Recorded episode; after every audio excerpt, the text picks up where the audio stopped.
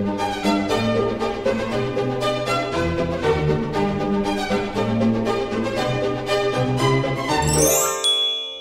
och välkomna till Kungligt. Med Jenny Alexandersson. Och Sara Eriksson. Alltså vad kul att vi är tillbaka i studion. Förra veckan var det liksom återigen premiär för oss att ses kan man säga. Ja, verkligen. Vilken konstig vår det har varit igen. Mm. Eh, hur mår du Sara? Jo men det är bra tack. Eh, jag eh, har ju haft ett litet kristallkroneäventyr här i, i dagarna så att eh, nu är kristallkronan på plats. De som följer mig på Instagram har ju sett den här från att jag budade hem den på auktion till att jag lyckades frakta hem den i en IKEA-kasse och faktiskt få upp den hel och i behåll hemma. Och du borrade upp den själv? Borrade upp är att ta i. Jag hängde upp den i den här kroken ja. som finns. Men det, det har jag gjort alltså och eh, kopplat in den så det blev väldigt fint. Så att jag, jag är glad och mår bra om man får vara det över materiella ting så att säga. Det tycker jag man ska få vara. Eh, särskilt en kristallkrona, jag menar det är ju inte varje dag man köper en kristallkrona. Nej.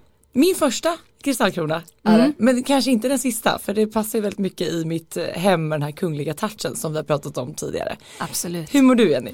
Bra, jag har inte haft något eh, kristallkronegate. Eh, jag har inga kristallkronor hemma. Jag har ett hem som är byggt för småbarn kan man säga just nu. Ah, ja, det är mm. lite skillnad. Ja, eh, men jag tycker det är bra. Jag har funderat så himla mycket på hela den här våren sista veckan. Mm. Eh, och eh, det går upp och ner tycker jag. Ja, man, man blir så ingiven med hopp och samtidigt väldigt mycket så här förundran över framtiden. Ja. Eh, och man pendlar lite däremellan och det tror jag inte vi är ensamma om att göra. Nej men verkligen inte och eh, jag tycker man ska vara man ska vara öppen med att det är tufft ibland. Eh, men då är det ju tycker jag att det är väldigt mycket roligare att se så här öga mot öga. Att man sitter i de här digitala mötena för det är lite själsdödande. Ja verkligen och det är också skönt att kunna hänga upp veckan på att man vet att vi ska få spela in kungligt på torsdagar. Ja, det jättekul. Tycker jag, det tycker jag känns jättehärligt. Ja. Eh, den här veckan så har vi samlat lite olika kungliga nyheter. Som ska ja, men om. Det har vi gjort. Um, vi har både svenskt och utländskt. Eh, vi kommer återkomma som vi alltid gör till prins Harry och Meghan ganska mycket idag. Mm. Men, eh, men vi ska ta en titt i det svenska kungahuset också faktiskt. Mm. Och då tycker jag vi börjar med att eh, ja, men tidigare i veckan så fick ju du Jenny liksom slå på den stora trumman kan man säga och presentera en väldigt rolig nyhet. Kan inte du berätta om den? Jo, absolut, det var jättespännande. Um, alltså vid sidan av mitt jobb med att bevaka kungahusen så jobbar jag även med svenska hjältar och det innebär att jag träffar människor varje vecka eh, och berättar om deras hjältedåd och det kan ju vara vardagshjältar, eh, människor som räddat livet på någon annan eller någon person som vågat agera i en akut situation när ingen annan har vågat göra någonting. Och eh, varje år då så väljer Svenska hjältars jury ut ett antal hjältar som då prisas på en jättefin gala i december varje år. Och då var det extra roligt att kunna få presentera prinsessan Sofia som en ny medlem av Svenska hjältars jury. Och särskilt tycker jag eftersom hon har i alla de här åren som hon klev, liksom klev in i kungahuset haft ett väldigt stort engagemang för andra människor. Hon startade ju sin eh, organisation Project Playground 2010 med Frida Westerberg och den har hon ju jobbat väldigt mycket med sedan dess. Och sen lyfter hon ju frågor som nätmobbing och dyslexi tillsammans med prins Carl Philip.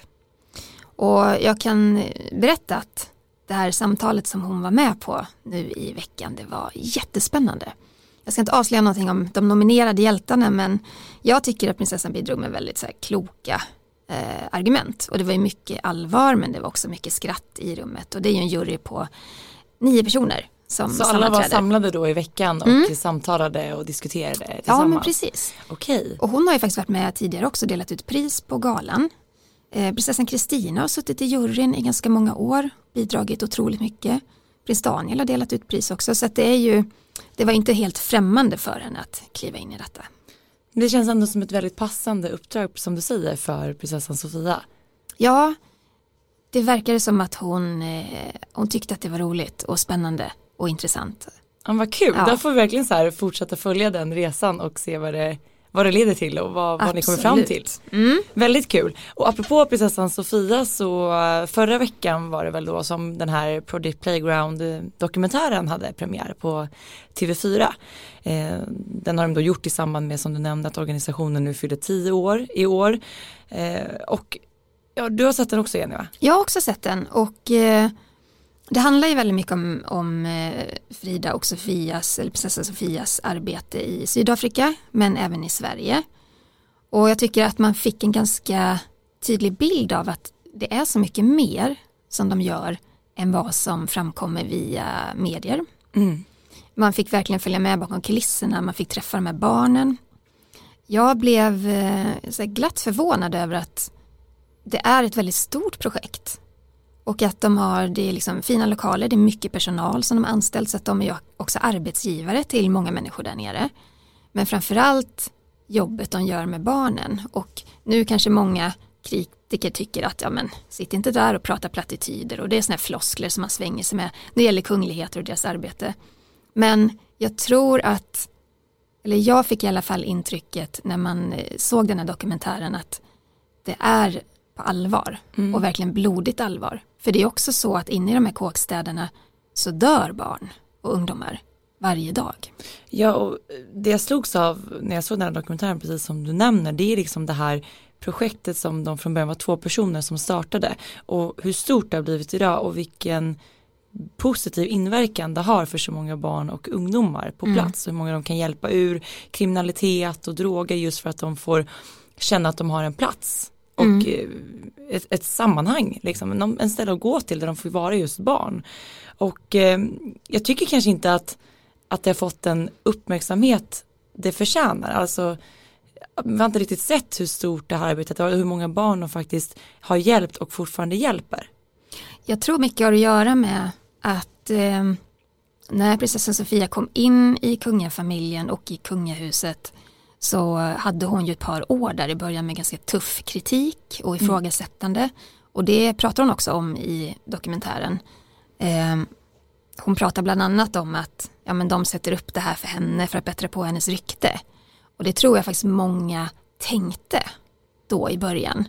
Att man måste putsa till en människas yta för att passa in i familjen. I själva verket så startar de startar ju det här innan hon mm. träffade prins Carl Philip. Och hon åkte väl till Kenya tror jag när hon var 16 ja, som volontär. Så det där fanns ju i hennes liv tidigare. Det var ingenting hon gjorde för att passa in i någon så kallad då prinsessmall som kanske många har velat eh, framställa det som. Och det är också någonting som Carl Philip tar upp i den här dokumentären. Eh, just att, att många trodde att det var tillrättalagt bara för att liksom bana väg för henne. Mm. Men det jag slogs av som hon sa det var ju också att hon blev väldigt ledsen, inte bara för att folk trodde det gentemot henne men också gentemot alla hennes medarbetare och de som då tillsammans med henne har byggt upp det. Mm. Att det blir liksom ett slag för dem i det här arbetet och för alla de här barnen att man tror att det bara handlar om ett, ett PR-trick egentligen. Mm. Sen kan man ju säga att, att eh, som vanlig människa ta det här klivet in i kungahuset, det är tufft.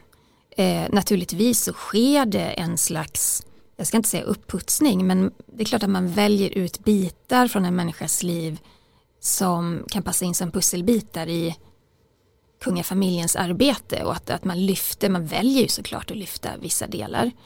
Här tror jag faktiskt att Project Playground och Sofias arbete med det kom i kläm. Därför att det var något som kungahuset lyfte.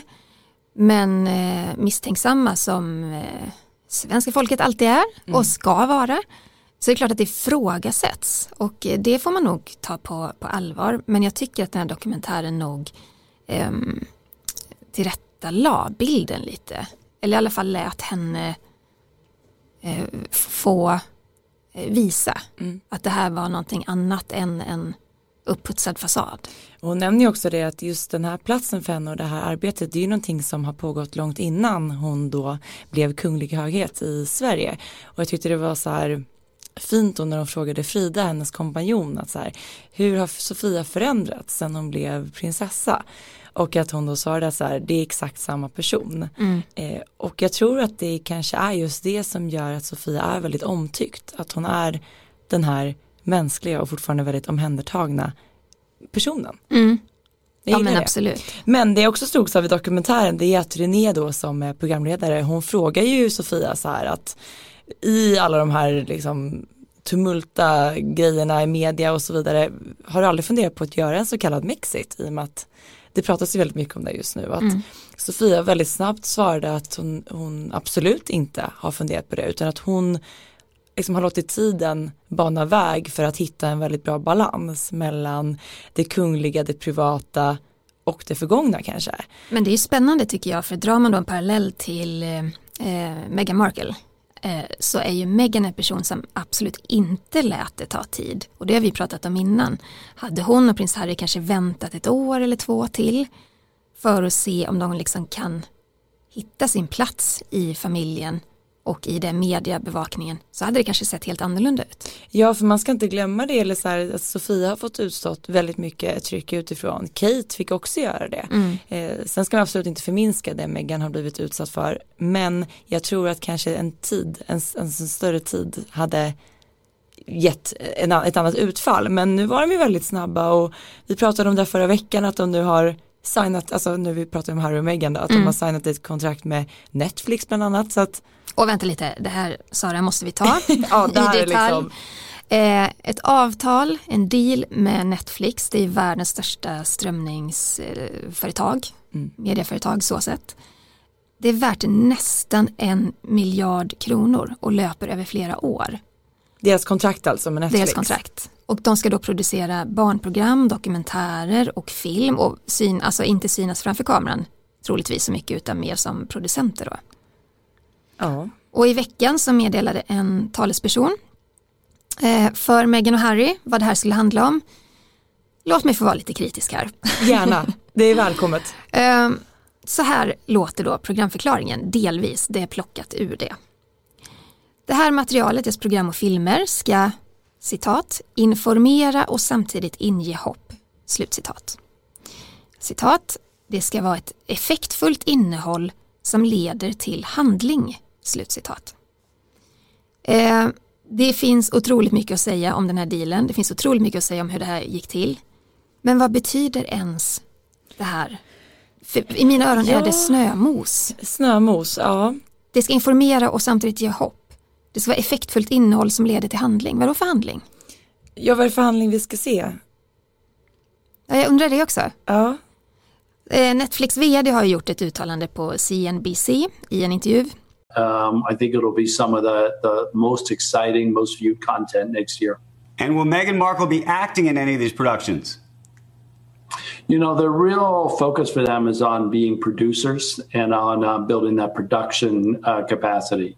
Um, so uh, that's the the key thing is you know they've uh, developed a, a, great eye for story and we'll be working with them on that basis. Han är såklart superexalterad. Det förstår jag. Att det han förstår är. jag. Han säger också det. Jag är så exalterad över den här dealen.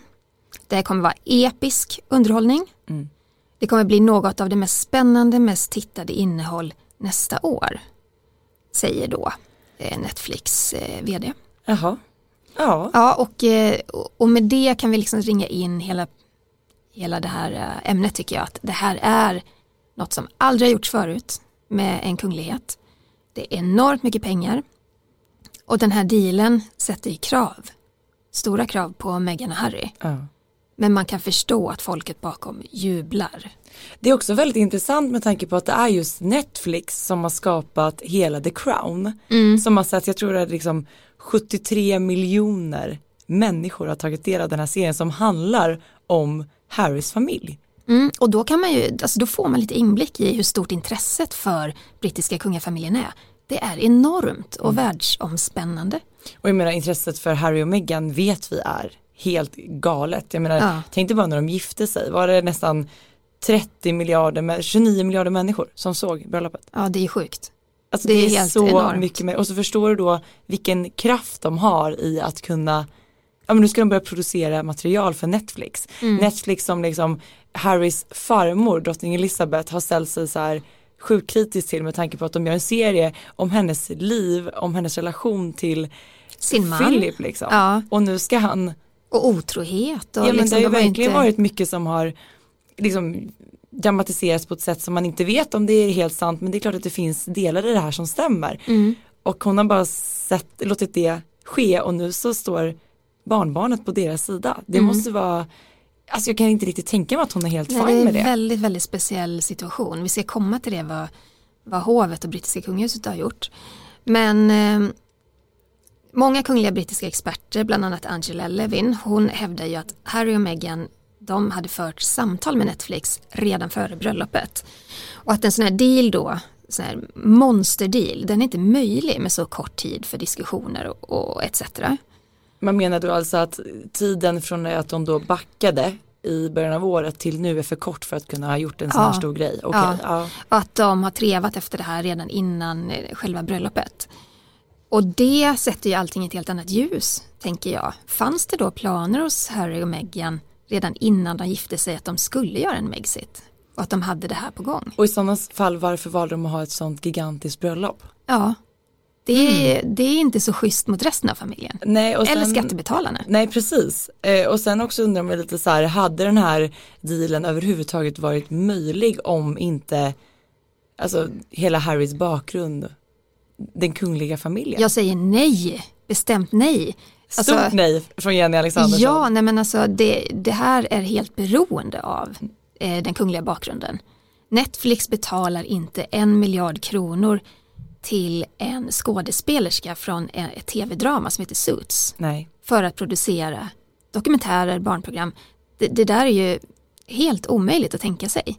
Men betyder det här också, jag tänker när Harry och Meghan nu gjorde sin Mexit så pratar man ju om, eller drottning Elizabeth gick ut med att det här är ett prövoår. Vilket betyder att dörren fortfarande står på glänt till om de vill komma in i den kungliga värmen igen. Betyder det här att det blir en omöjlighet att komma tillbaka? Den där dörren är stängd. Definitivt stängd med ett bam. Hej, boom, bam, Boom, bam. med hänglås. Ja, nej men det är ju så att eh, kungligheter som är en del av det kungliga huset kan såklart inte ha kommersiella dealar med multinationella företag och samtidigt representera ett helt folk och ett land. Absolut inte. Dealen med Netflix den löper över flera år. Så det här är liksom, eh, här har de slem, slämt igen dörren i ansiktet på brittiska folket. Det här är liksom spiken i kistan. Och det blir också en enorm så här, exploatering av den brittiska kungafamiljen såklart. Ja men så är det ju. Verkligen. Och lite så här, kanske titta lite i, om jag ska kolla lite i backspegeln rent eh, hur det har funkat tidigare. När man har försökt sig på något liknande. Prins Edward var ju ett misslyckande. Ja, han, eh, han står ju ganska långt ner i tronföljden. Han har ju som alla andra kungligheter i det, i, med den statusen letat efter sin egen plats. Han bestämde sig för att starta ett produktionsbolag, Ardent Productions, på 90-talet. Och eh, han och hans team ehm, har blivit väldigt kritiserade, faktiskt skrattade åt i branschen. Därför att de här dokumentärerna och programmen de gjorde, det var ofta med kunglig anknytning på ett väldigt fint eh, sätt liksom. Men jag tror Edvard ville för mycket. Han var då liksom chef över produktionen men han skulle också sitta vid flera tillfällen som eh, intervjuare, ställa frågor till de här människorna som var med. Och vid ett tillfälle eh, då skulle han intervjua det sista levande vittnet till ett möte mellan hans anfader då, Edvard den åttonde och Hitler. Och han kunde inte få ur sig några raka frågor överhuvudtaget. Han cirklade kring ämnet, eh, han vågade inte, han, han tassade runt och det var katastrof. Och i det här projektet så pumpades det väl in ganska så mycket pengar och det slutade bara i ett mess liksom. Att det, det blev inget bra av det hela. Nej. Så att det har ju liksom hänt tidigare att kungligheterna försökt in i den här tv-sfären och det inte har gått så bra. Eh, Men ändå så väljer Harry och Meghan tryggt och säkert att kliva in på Netflix-marknaden. Jag tror ju säkert att om man har fallenhet för jobbet och är passionerat intresse, utbildning eller erfarenhet, absolut. Men eh, jag menar, Harry har ingen erfarenhet förutom att stå på andra sidan och vara ett jagat villebråd i stort sett. Men det som också är väldigt intressant är här att kort efter liksom att den här nyheten om Netflix eh, publicerades och släpptes och det blev sånt ståhej, ja men då meddelade också en talesperson för paret Harry och Meghan att de nu har betalat tillbaka de här 2,4 miljoner punden som de då är skyldiga skattebetalarna och det handlar ju då om den här renoveringen av Frogmore Cottage, alltså huset som de fick av drottning Elizabeth när de gifte sig och som liksom totalrenoverades för att de skulle kunna bo där. Mm. Det har ju varit en av de här frågorna som det har brunnit liksom mest kring att okej, okay, vi gav er ett nyrenoverat hem och nu ska ni dra härifrån, nu, ni får betala det själva. Ja. Och nu blir de ju ekonomiskt oberoende totalt. Eh, samtidigt då som skattebetalarnas så kallade nota är obetald. Och när de lämnade, när de gjorde sin Megxit så lovade de ju betala tillbaka pengarna och det skulle ske under flera år månadsvis. Och då undrar jag, den här stora klumpsumman som nu betalas. För det är betalt och klart? Ja, är det någon slags krishantering för den här massiva kritiken eh, för dealen med Netflix? Det hade väl kanske varit konstigt om de hade signat det här monsteravtalet med Netflix och sen fortfarande inte betalat tillbaka allting i en summa med tanke på hur mycket pengar det handlar om som de då får in. Mm. Då hade det väl blivit ett ännu större ståhej kring det här. Mm. Men eh, också lite så här, är det ett sätt för dem att kunna betala tillbaka? Nej, jag tror att den här dealen den står över så mycket annat än bara en skuld till skattebetalarna. Det här är någonting som de har drömt om. Eller Harry kan jag kanske inte riktigt svara för men jag tror att Meghan har ju ändå sett sin framtid inom showbusiness i Hollywood. Mm. Det verkar ju så. Men samtidigt då som det här sker så har ju då politiker i Sussex, alltså Harry och Meghan är ju hertig och hertiginna av Sussex och då har politiker i Sussex då eller de önskar nu att parlamentet då ska ta upp frågan ifall Harry och Meghan ska bli av med sina titlar, hertig och hertiginna. Och det är just på grund av den här dealen med Netflix. Att så här, de tycker väl kanske inte likt många andra att det går helt i linje med uppdraget då att representera ett hertigdöme. Nej, och tydligen är det så att enligt brittisk lag så verkar det som att drottning Elizabeth inte kan dra tillbaka ett hertig eller hertiginnedöme och dess titlar. Det är tydligen bara parlamentet som, som kan det. Och då vill då Sussex-politikerna att det ska tas upp i parlamentet. För det, det ska man ju faktiskt inte glömma bort här att trots att Harry och Meghan då har backat, gjort en så kallad Mexit, så har de fortfarande alltså, kunglig höghetstitlar som de inte får bruka. Ja, och, nu... och, det är väl för att de har haft det här prövoåret. Jag undrar vad som händer när det året är slut med just de här kunglig höghetstitlar. Mm. Kan de kan de ha det och samtidigt göra så här lukrativa avtal? Alltså med tanke på alltså, oklarheten som har rådit sedan i januari då har det ändå varit så här, ja, okej vi vet inte riktigt vad de ska jobba med. Men nu när de har signat ett sånt här storjobb, vad ska de med titlarna till? Nej, precis. Ja. Det är ju det är mycket status i det. Såklart. Men eh, en annan sak som tog prins Harry väldigt, väldigt hårt, det är ju att medierna rapporterade kring att eh, ett stort event med prins Harrys organisation Invictus Games har ställts in och eh, där hade man planerat att världsartister som Beyoncé och, och flera med henne då skulle uppträda för att samla in pengar och det skulle ske i Los Angeles i sommar i The Hollywood Bowl så det här är ett stort, stort evenemang. Och stora artister också så det var ju verkligen. Ja och strax innan den här nyheten om Netflix kom då blev organisationen uppringd av Harry och Megans advokater Eh, och man ska också tillägga att det här enorma evenemanget skulle då sändas av Amazon och det är ju en konkurrent då till Netflix. Och då eh, kan man nog kanske lätt tänka att eh, de ställer in evenemanget därför att Netflix har ställt det som krav för den här dealen. Varför skulle Amazon få sända det här när Harry och Meghan är bundna till Netflix för, över en, eller för nästan en miljard? Men eh, det första Harry gjorde då var ju att eh, låta advokaterna återigen stämma den här ja, tidningen. Stämmer på. Eh, The Sunday Times de har då lagt en notering framför artikeln. De har kvar artikeln på sin sajt. Men, men det är en notering att den är under juridisk prövning. Mm eh, sen finns det en annan sida av det här också. Det är ju att det kan ju vara så att det här evenemanget ställs in på grund av corona. Eh, det är inte säkert att det är tryggt och säkert att samla så mycket folk eller att ha så här stor produktion i sommar. Så den, den sidan finns ju också, det är den som prins Harry och Meghan hävdar då att det är därför. Fortsättning följer, som vi alltid säger när vi pratar om Harry och Meghan, för det tycks aldrig ta slut, men det är, anledningen till att det är så intressant, det är för att det är någonting helt nytt. Vi har aldrig sett det tidigare, hur man liksom står kvar med ena foten så tydligt i den kungliga världen och sen andra foten är bara ute och svävar och skaffar jobb och liksom signa kontrakt för hur mycket pengar som helst. Om jag får eh, sia inför framtiden så tror jag att när det här prövåret är slut så kommer vi se prins Harry och Meghan bli av med sina kungliga höga titlar.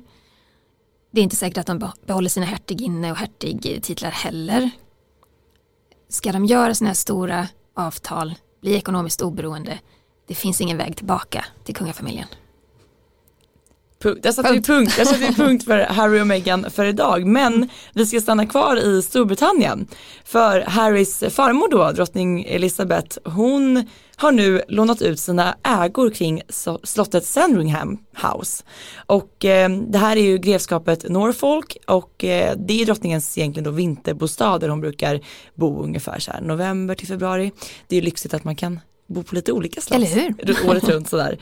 Men det som är kul nu är att drottningen då har öppnat upp för att man ska få öppna en drive-in biograf på liksom ja men på hennes ägor helt enkelt. Och det här blir en biograf med flera som ska visa flera olika så här, musikalfilmer och biljetterna säljs då via slottets egna hemsida.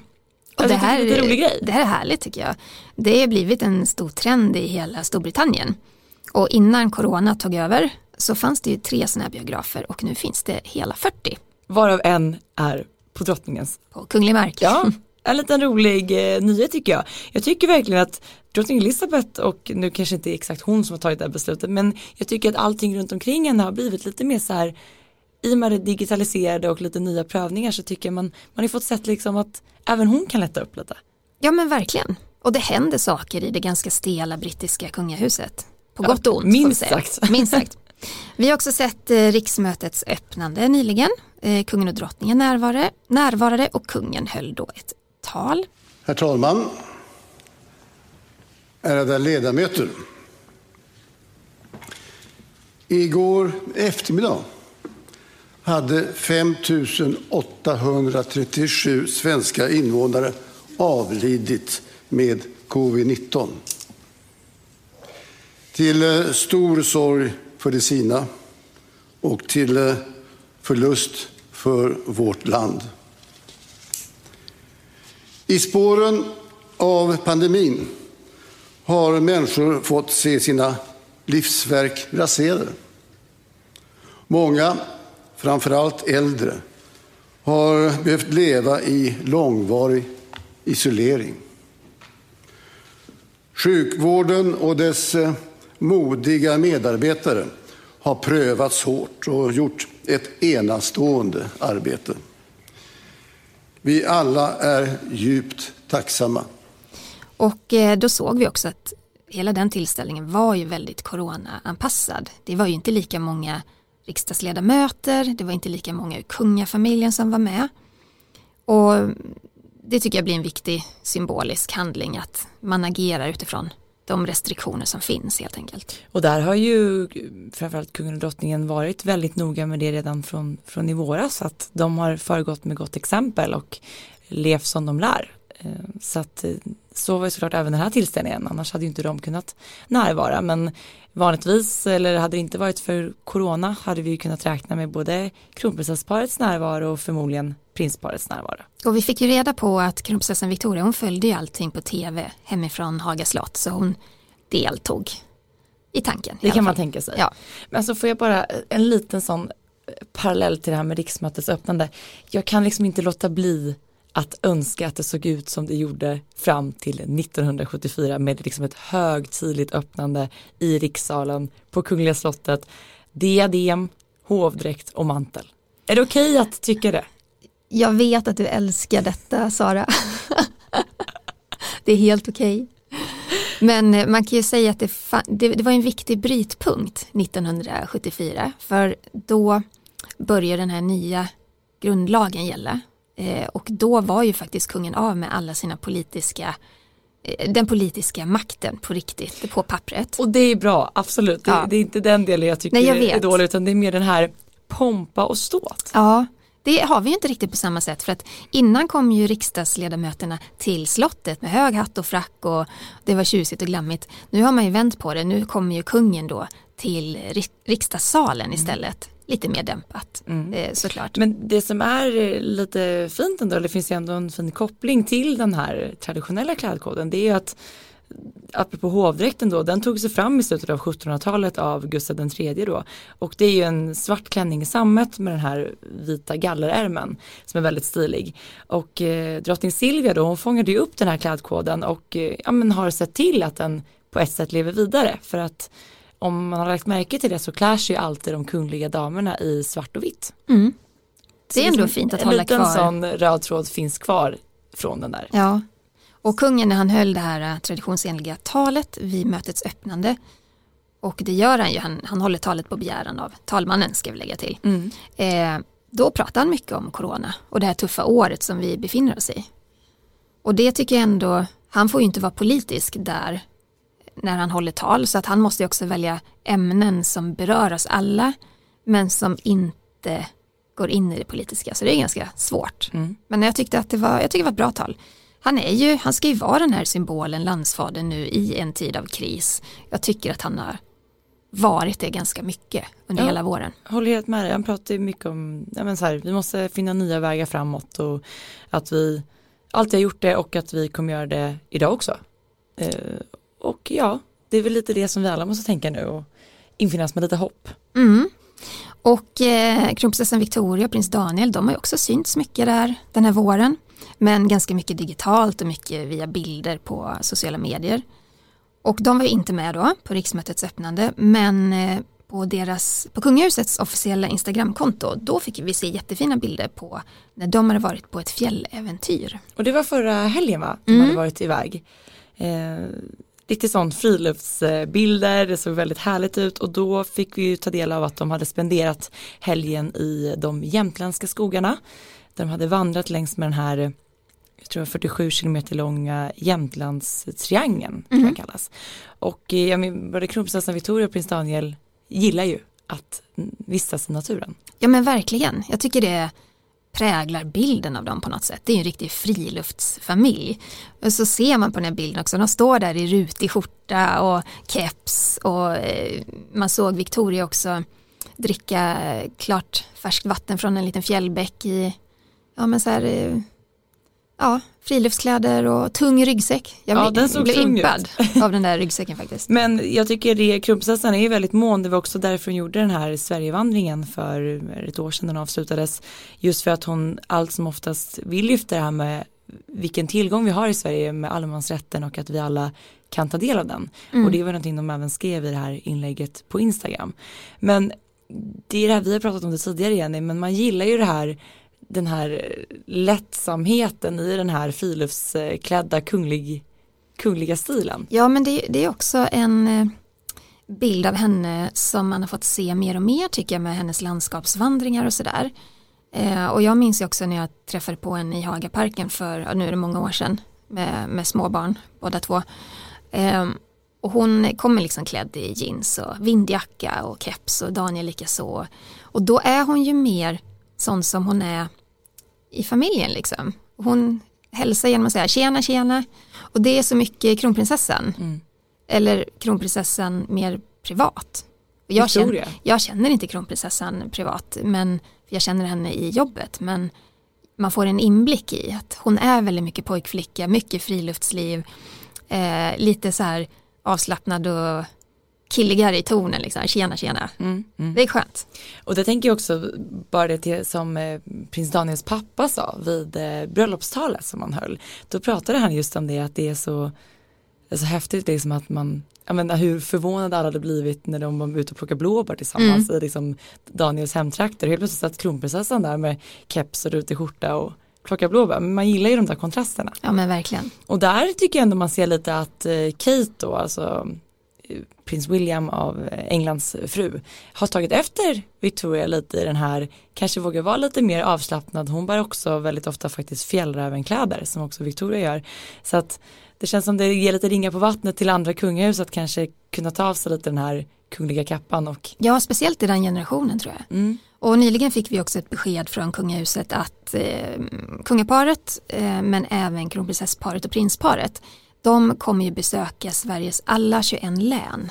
Och det kommer ske nu under hösten men även våren då 2021. Och det gör de för att de vill, de vill lyfta alla eldsjälar, alla människor som har jobbat hårt med, eller mot corona.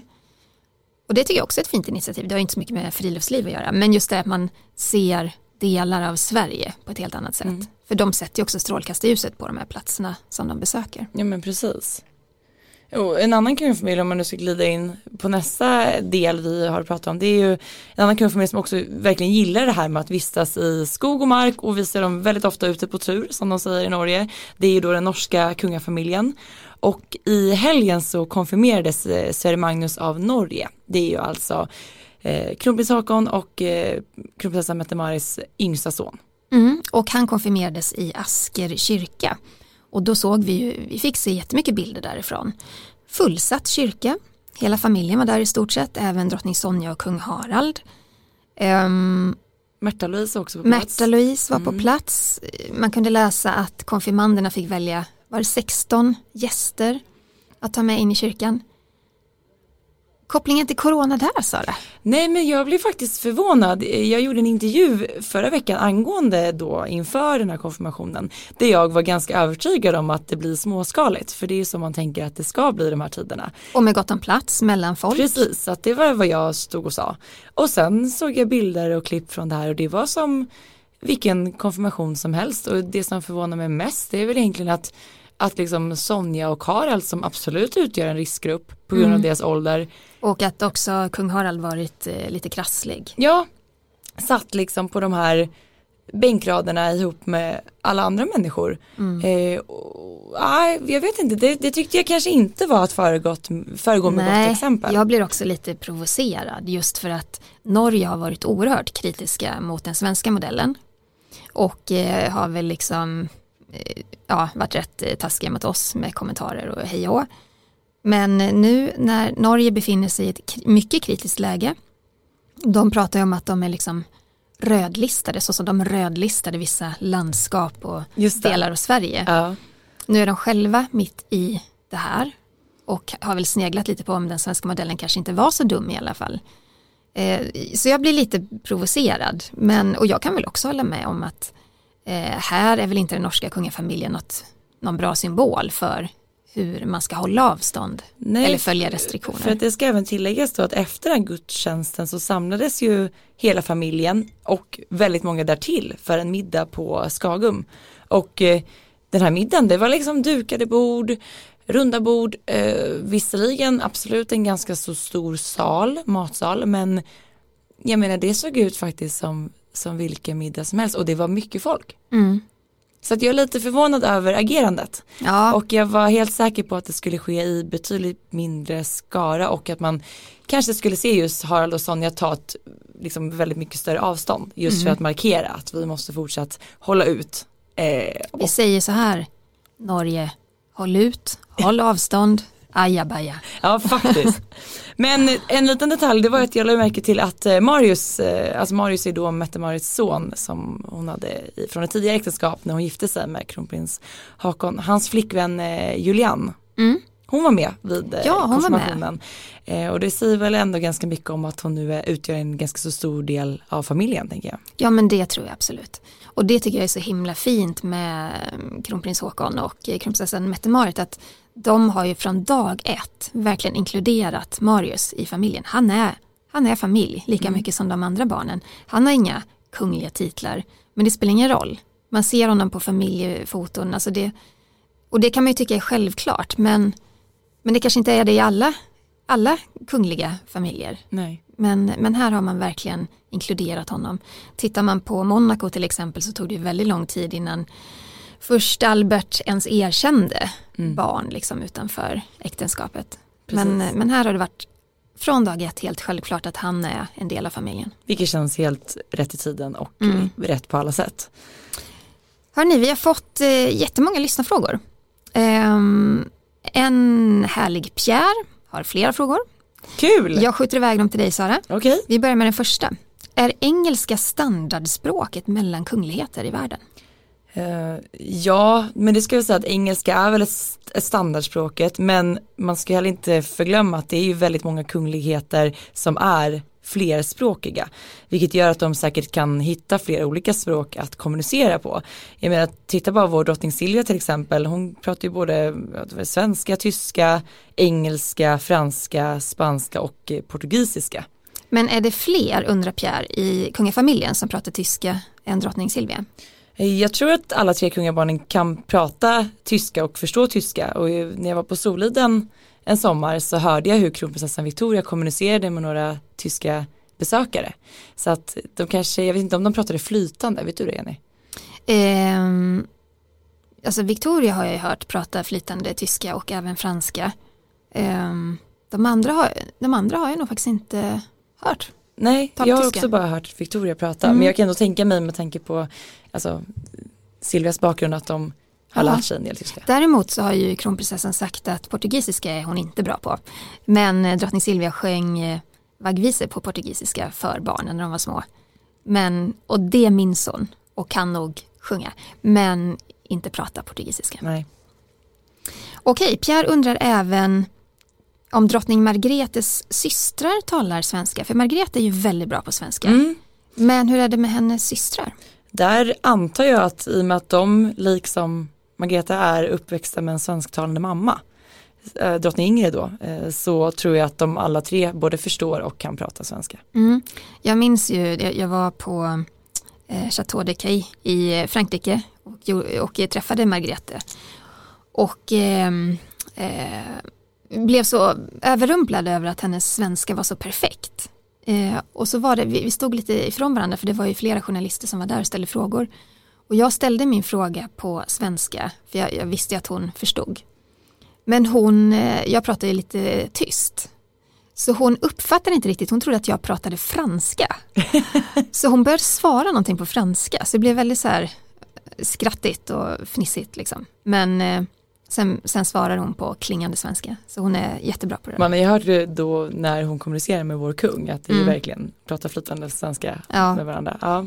Sista frågan från Pierre. Om brittiska monarkin är finast i världen enligt dig Sara, vilka tycker du då är nummer två och tre? Ja, det här är, jag tror att jag har svarat på den här frågan någon gång via Instagram att jag fick frågan vilken monarki jag tyckte var finast. Men, hmm, svår fråga, men jag tycker ju väldigt mycket om både den svenska och den danska kungafamiljen skulle jag säga. Mm. Sen kan man väl kanske peta in den eh, holländska kungafamiljen också. De har ju en mm. lång historia och mm. väldigt pampigt. Om ska, man ska prata om liksom rent finast, det är lite på man, hur man, definierar som finast, om ja. det är en status eller inte. Jag menar då, då ligger brittiska och det nederländska kungahuset väldigt högt upp. Mm.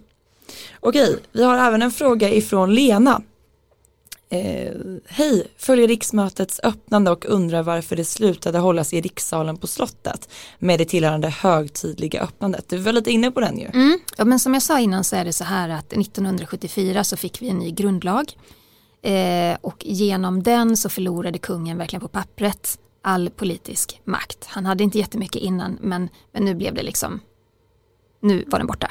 1974. Så 74 var sista året man firade då med det högtidliga öppnandet med pompa och ståt, med, med hovdräkter, med mantlar, med silvertronen i centrum och, eh, och kungen då. Eh, men efter det här skiftet så bestämde man att istället för att riksdagsledamöterna tågar upp till slottet iklädd frack och hög hatt så är det då kungen som ska ta sig till riksdagssalen och till riksdagsledamöterna därför att all makt då ska utgå ifrån folket. Eh, så det är liksom förklaringen och nu är det ju så att kungen då, hans uppgift är att förklara mötet öppnat och han håller ett litet tal och han gör det på begäran då av talmannen. Och han ska ju hålla sig politiskt neutral så att han får välja då ett ämne som, eh, som tilltalar alla så att säga. Men det är den korta förklaringen. Bra förklarat. Sen den här frågan är ju också jättespännande tycker jag. Den är från Karin som undrar vem lagar maten hemma? Kronprinsessan och prins Carl Philip eller prinsessa Madeleine? Gör de det själva? Hej, jag skulle säga mm. att det är nog en kombination av att de både lagar mat själva men även finns det personal som kan hjälpa dem att laga mat. Och vi vet ju framförallt att eh, både vår kung och prins Carl Philip har ett väldigt stort matintresse. Eh, så där kan jag tänka mig att de gärna lagar mat. Men det är en intressant fråga för det har hänt flera gånger att jag har fått frågan så här, tror du att kungligheter har lunchlådor eller lagar lunchlådor? Och det är en jätte Spännande fråga. Ja, kronprinsessan har ju, har ju berättat att när hon gick i skolan och det var friluftsdag eller man skulle ha med sig mat och lunch hemifrån, då fick hon ju alltid eh, en liten fin förpackning ifrån köket på Drottningholm med silverbestick och vit servett och eh, väl, alltså god tillagad mat. Och att hon ibland kunde känna att hon också skulle vilja ha kalla pannkakor och sylt. Kolayoghurt. Ja, och det, eh, så det är klart att det kanske finns en skillnad. Jag tror absolut att till exempel prins Carl Philip och prinsessa Sofia skulle kunna ta med matlåda till jobbet på Drottningholm, eh, till kontoret. Men, men om man säger så här att på Drottningholm finns det anställd personal i köket som, som hjälper kungafamiljen. Det handlar också om tidsbrist, det är inte alltid de kan ställa sig i köket och, och laga själva. Men kungen älskar att laga mat. Han är jättebra på såser har jag hört.